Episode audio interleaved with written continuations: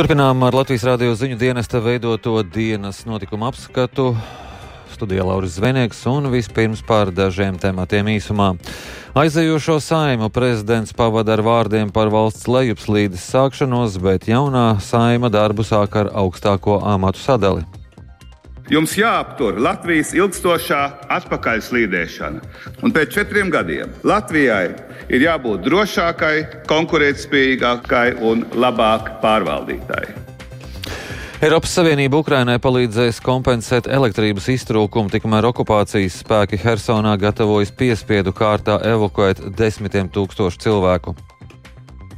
Оккупанты массово выселяют людей из своих домов. Okupanti masveidā liek cilvēkiem pamest savas mājas.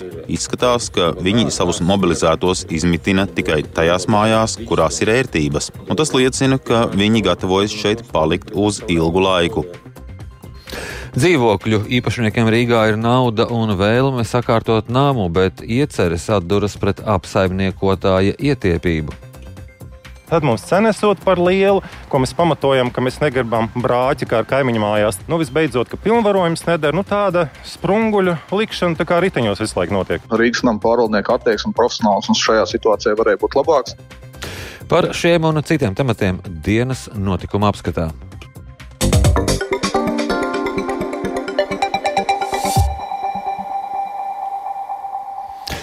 14. saimas pirmajā sēdē gandrīz visi tajā ievēlētie deputāti deva svinīgo zvērestu, un viņu pilnvaras ir apstiprinātas. Par saimas priekšdatāju ievēlēts Edvards Smiltēns no apvienotā saraksta, vairāk Jāņa Kīņš veidotajā ierakstā. Jaunais saimnes sasaukums darbu sāk krīžu laikā. Krievijas iebrukums Ukrainā ir lielākais apdraudējums Eiropā kopš otrā pasaules kara. Tāpat ir energoresursu krīze un arī Covid-19 pandēmija nekur nav pazudusi. Arī inflācija valstī ir augstākā pēdējo desmitgažu laikā. Tā pirmajā sēdē uzrunājot jaunās 14. saimas deputātus, sacīja valsts prezidents Egils Levits. Viņa vērtējumā vissvarīgākās darbības jomas nākamajos četros gados būs izglītība, ekonomika un drošība. Levits runā izskanēja novēlējums nākamajā nākamajai koalīcijai darboties koncentrēti un atbildīgi, bet opozīcijai iztikt bez populisma, jo Latvija atpaliek no pārējām Baltijas valstīm. 14. saimai tādēļ jābūt saimai reformētājai. Valdībai ir jābūt reformu valdībai. Jums jāaptur Latvijas ilgstošā atpakaļslīdēšana. Un pēc četriem gadiem Latvijai ir jābūt drošākai, konkurētspējīgākai un labāk pārvaldītai. Sēdes turpinājumā 14. saimā ievēlētie deva svinīgo solījumu vairs vērestu apņemšanos būt uzticīgi Latvijai, aizstāvēt to kā neatkarīgu un demokrātisku valsti, ievērot satvērsmi un likumus. Sēdes vadītāja Ināra Mūrniece no Nacionālās apvienības prasīgi lika atkārtot solījumu tekstu tiem, kuri pārteicās. Es apņemos ievērot Latvijas satik, satvērsmi un likumus. Jakavina kungs, jūs kļūdījāties. Es apņemos ievērot Latvijas satvērsmi un likumus. Zinter kungs, jums svērsts ir jādod vēlreiz, jūs kļūdījāties. Paldies. Deputāte Linda Liepiņa no Latvijas pirmajā vietā solījuma vietā vispirms noskaitīja tēvreizi. Savukārt vairāk Latgales vēlēšana apgabalā ievēlētie deputāti izvēlējās zvērsta tekstu teikt latgaliski. Es, Glorija Grifcova, apstājām Saimas deputāta Omota pienākumus Latvijas tautas priekšā svinīgi sūlu būt uzticīga Latvijai. Es, Nadežda Tretjakova, apsveicu saimas deputāta Omota pienākumus Latvijas tautas priekšā svinīgi sulu.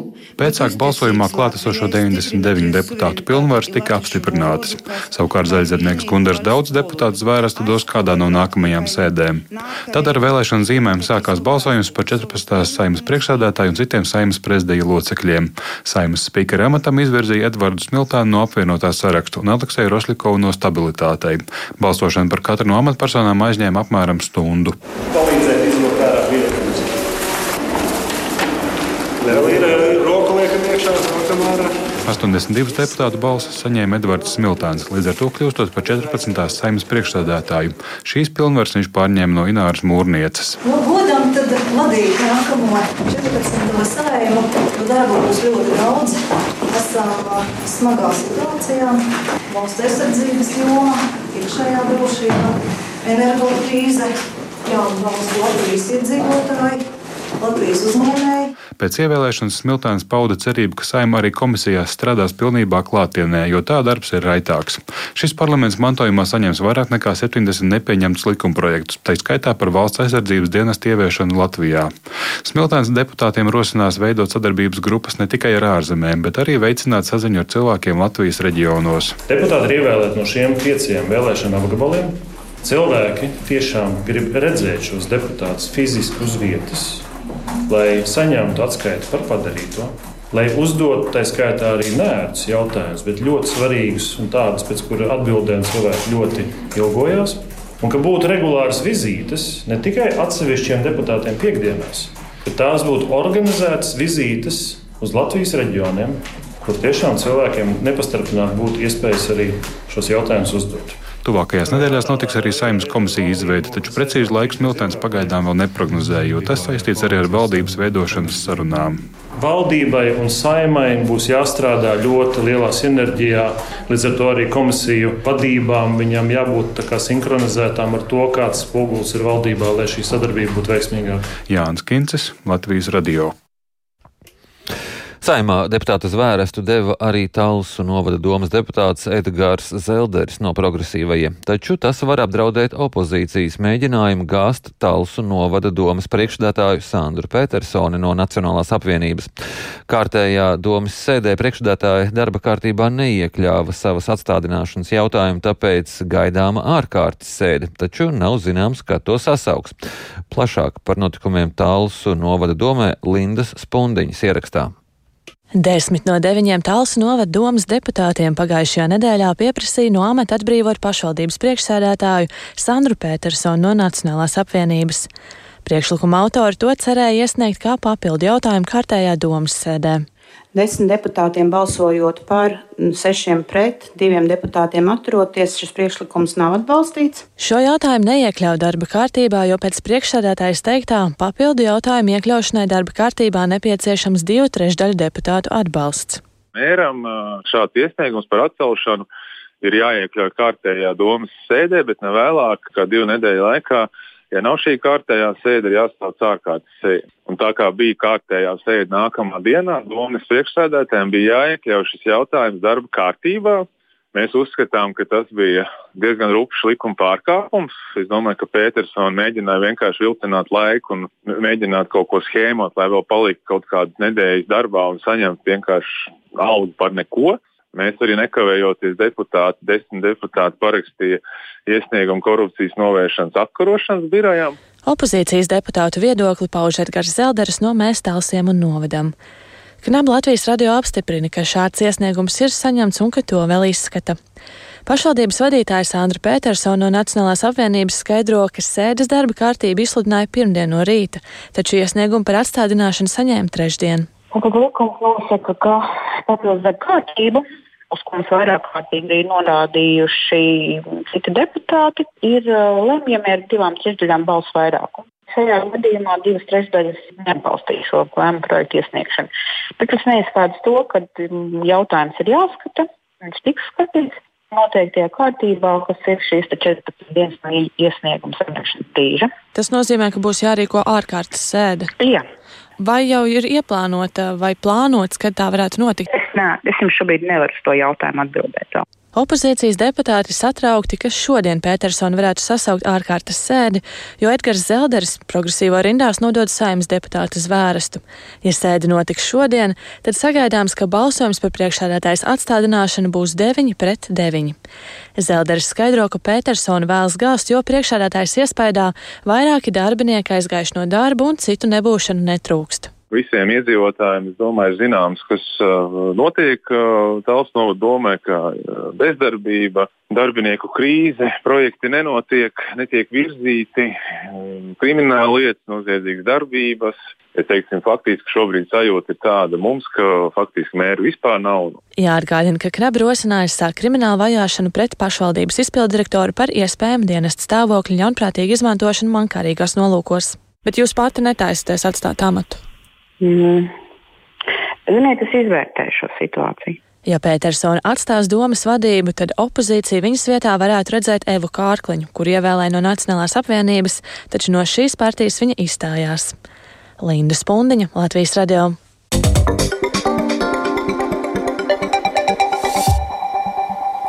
Eiropas Savienība ir gatava palīdzēt kompensēt Ukrainai elektroenerģijas iztrūkumu, ja tāds radīsies. Par to paziņojusi Eiropas komisijas enerģētikas komisāre Kadri Simpsone, kas šodien bija ieradusies vizītē Kīvā. Atsevišķas Eiropas Savienības dalību valsts atgādinājušas, ka uz Ukrainu atpakaļ aizbraukušie bēgļi tomēr var saņemt patvērumu Eiropā arī ziemas laikā. Tikmēr okupācijas spēki Helsonas apgabalā gatavojas piespiedu kārtā evakuēt aptuveni 70 70 tūkstošus vietēju iedzīvotāju. Vairāk par Ukrainas aktualitātēm stāsta Uģis Lībietis.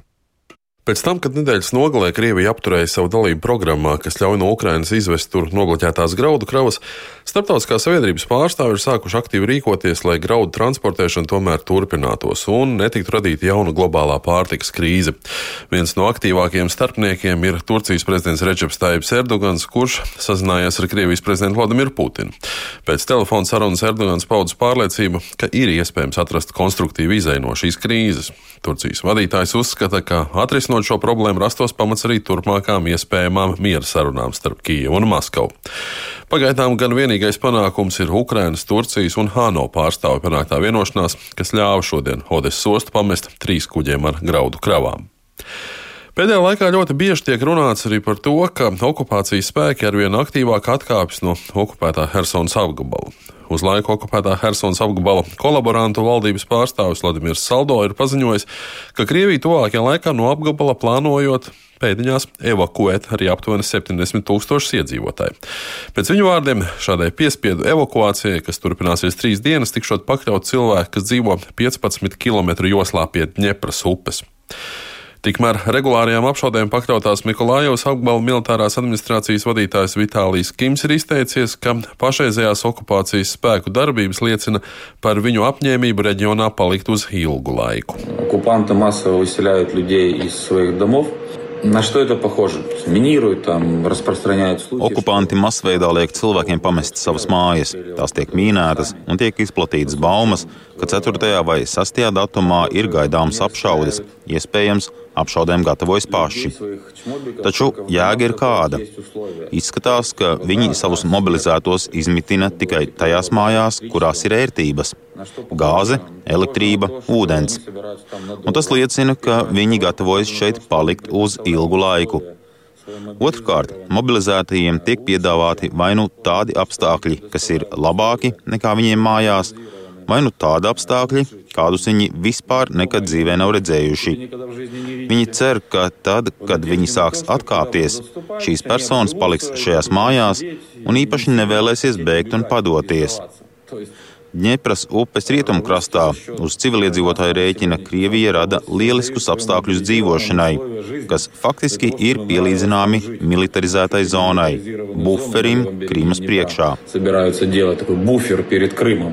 Dzīves apstākļi Ukrainā, īpaši kardarbības visvairāk skartajos apgabalos, gan pašlaik ir visai neapskaužami. Nevelti vēl pagājušajā nedēļā Ukrainas varas iestādes aicināja uz ārvalstīm izceļojušos ukrāņus ziemu pārlaist savās jaunajās mītnes zemēs. Galvenokārt jau tāpēc, ka šī ziema solās būt izaicinošana gan elektroenerģijas, gan siltuma nodrošināšanas ziņā. Tikmēr Čehijas iekšlietu ministrs Vits Rakušans ir izteicies, ka tie bēgļi, kuri no Eiropas Savienības valstīm jau bija atgriezušies Ukrainā, varēs ziemas laikā atgriezties Eiropā. Pēc viņu vārdiem, ja kāds jau ir saņēmis pagaidu aizsardzību Eiropas Savienībā, viņam ir tiesības šeit arī pārziemot. Starp citu, vēl pirms dažiem mēnešiem, pastiprinoties bažām par daudzu Eiropas Savienības valstu spēju nodrošināt saviem patērētājiem nepieciešamo elektroenerģiju, tieši Ukraina bija tā valsts, kas solīja palīdzēt Eiropas partneriem. Tagad, kad aizvien izteiktāk kļūst Krievijas uzbrukumu tieši Ukrainas elektroinfrastruktūrai, palīdzību jau ir gatava sniegt Eiropas Savienība. Tās enerģētikas komisāra Kadrija Simpsona šodien bija ieradusies Kijevā, lai paustu atbalstu Ukrainai un solītu nepieciešamo palīdzību tās elektrosistēmas stiprināšanā. Kā uzsver uz Simpsona, palīdzība tiks sniegta līdz pat Ukrainas uzvarai. Uģis Lībijams, Latvijas Radio. Dānijā notiek parlamenta vēlēšanas. Par iekļūšanu parlamentā sacenšas 14 partijas, no kurām 12 ir izredzes pārvarēt barjeru. Tādēļ ir ārkārtīgi grūti paredzēt, vai pašreizējai premjerei un sociāldemokrātu partijas līderei Mettei Fredriksenai izdosies saglabāt šo amatu. Vēlētājiem joprojām spilgt atmiņā ir 2020. gada skandāls ap viņas valdības lēmumu nogalināt 17 miljonus ūdeļu bailēs no koronavīrusa mutācijas. Tas iznīcināja ienesīgu eksporta nišu. Tomēr Kopenhāgenes domnīcas Eiropa eksperteĪbene Šake uzskata, ka galvenokārt vēlētājus satrauc trīs temati. And one is uh, the National Health Service. Pirmais ir Nacionālā veselības sistēma. Mums patiešām pietrūks darbinieku un droši vien arī naudas veselības aprūpē. Tas ir būtisks jautājums. Otrais temats ir klimats. Jau 2019. gada vēlēšanas tika dēvētas par klimata vēlēšanām, un tagad šis jautājums atkal ir kļuvis ļoti nozīmīgs. Pēdējais temats ir inflācija un enerģētikas cenas, jo daudzi ierindas dāņi nespēja apmaksāt rēķinus. Tas arī ir būtiski bills is also an issue. Somija un Zviedrija pirms pievienošanās NATO nevēlas apspriest jautājumu par iespēju izvietot alianses kodola arsenālu šo valstu teritorijā. To tiekoties Helsinkos paziņoja Somijas premjera Sanna Marina un Zviedrijas premjers Ulfs Kristersons. Iepriekš Marina neizslēdza iespēju, ka Somijā varētu izvietot alianses kodolieročus. Turpina Uldis Česbergs. Sanna Marina sacīja, ka Somijai pirms kļūšanas par pilntiesīgu NATO dalībvalsti nevajadzētu izvirzīt aliansē nekādus priekšnoteikumus, tāpēc kodolieroču jautājums pašlaik netiekot aktīvi apspriests. Ulfs Kristersons norādīja, ka Zviedrijas nostāja šajā jautājumā sakrīt ar Somijas viedokli. Viņš ir pārliecināts, ka Zviedrijas un Somijas pieteikumus dalībai NATO apstiprinās visas alianses dalībvalstis. No 30 NATO dalībvalstīm tikai Ungārija un Turcija nav ratificējušas Somijas un Zviedrijas Zviedrijas pieteikumus.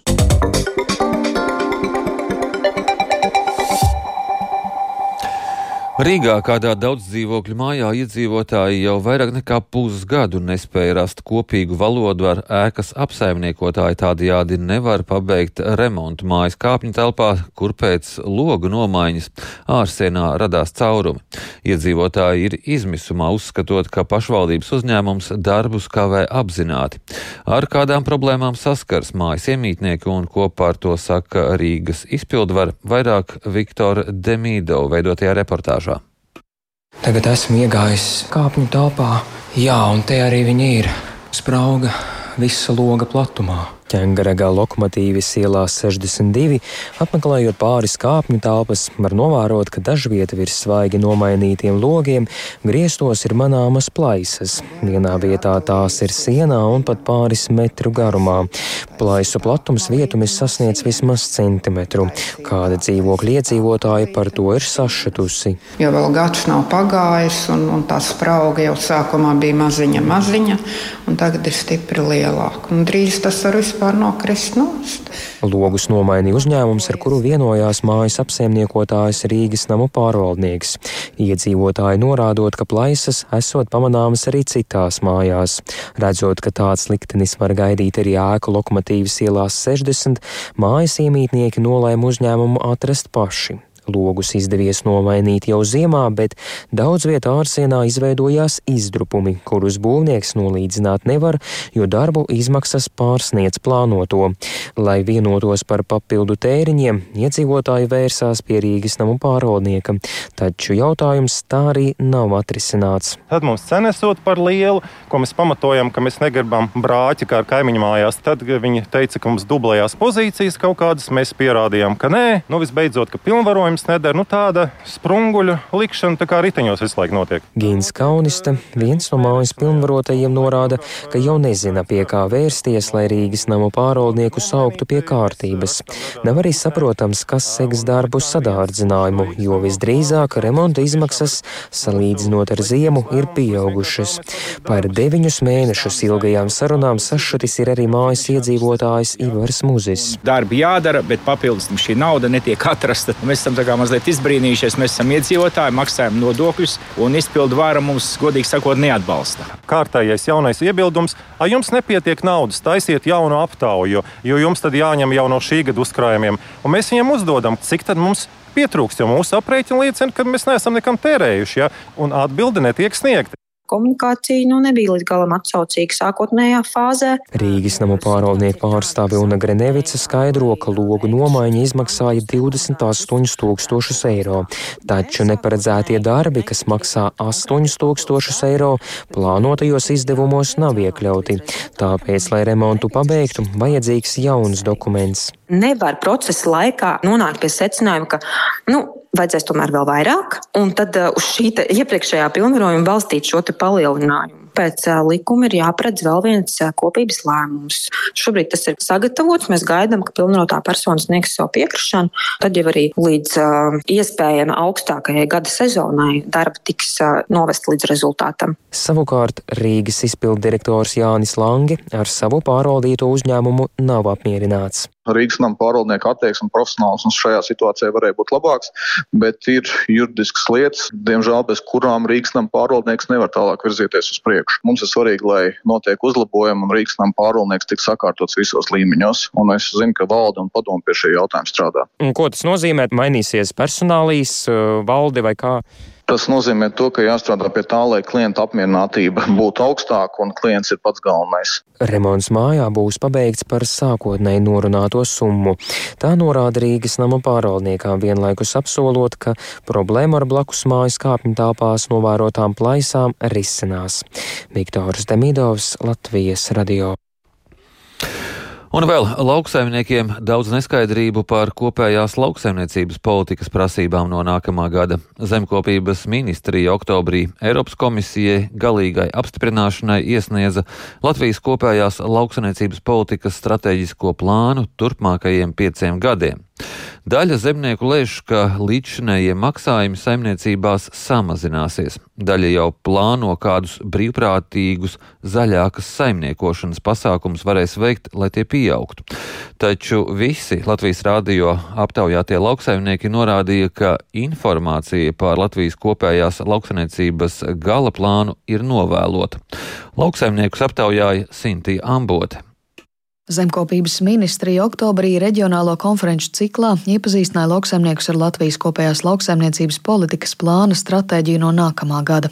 Ilūkstē konferenci apmeklē arī zemnieku saimniecības meža grumuži krautkopis Artūrs Tjušs. Viņš rēķina, ka platība maksājuma apmērs saimniecībai būtiski nemainīsies, taču par atsevišķām prasībām un brīvprātīgiem pasākumiem ir daudz neskaidrību. Pirmkārt jau tas, ka, lai tiktu pie maksājumiem, mums būs jāievēro prasības, kādas līdz šim nav bijušas. Trīs metri ap grāvjiem nedrīkstēs neko lietot, nekādus auga aizsardzības līdzekļus mēslot nedrīkstēs tā zeme būs tāda nu, saimnieciski neizmantojama. Bioloģiskās saimniecības sijā ekoloģis saimnieks Arnis Gutāns uz konferenci bija aizdevies kocēnos. Pēdējos piecus gadus viņš audzē bioloģiskos graudus ap 300 hektāru platībā Liepas pagastā. Mēs saņemsim mazāk, jo tur daudzas tās jaunās schēmas ir brīvprātīgas un arī visu saliekot reāli, tā kā mēs darīsim. Nu, mēs tur sēsim pasējā, tauriņu ziežus, visas pārējās kultūras. Mūsu gadījumā mums sanāk par 5-6 tūkstošiem tie maksājumi mazāki, ļoti daudz, un tā skatā mēs ļoti rēķināsim, pārdomāsim, vai vispār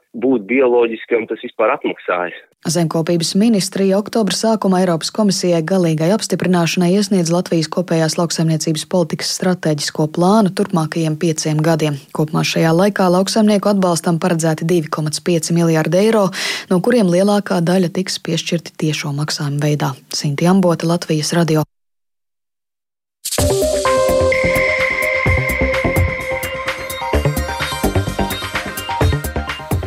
Dienas notikuma apskats izskan. Radījuma producents Edgars Kupčs, ieraksts montēja Kaspars Groskops pie skaņu pults Mārtiņš Paeglis, studijā Lauris Zvejnieks un vēl tikai par svarīgāko īsumā.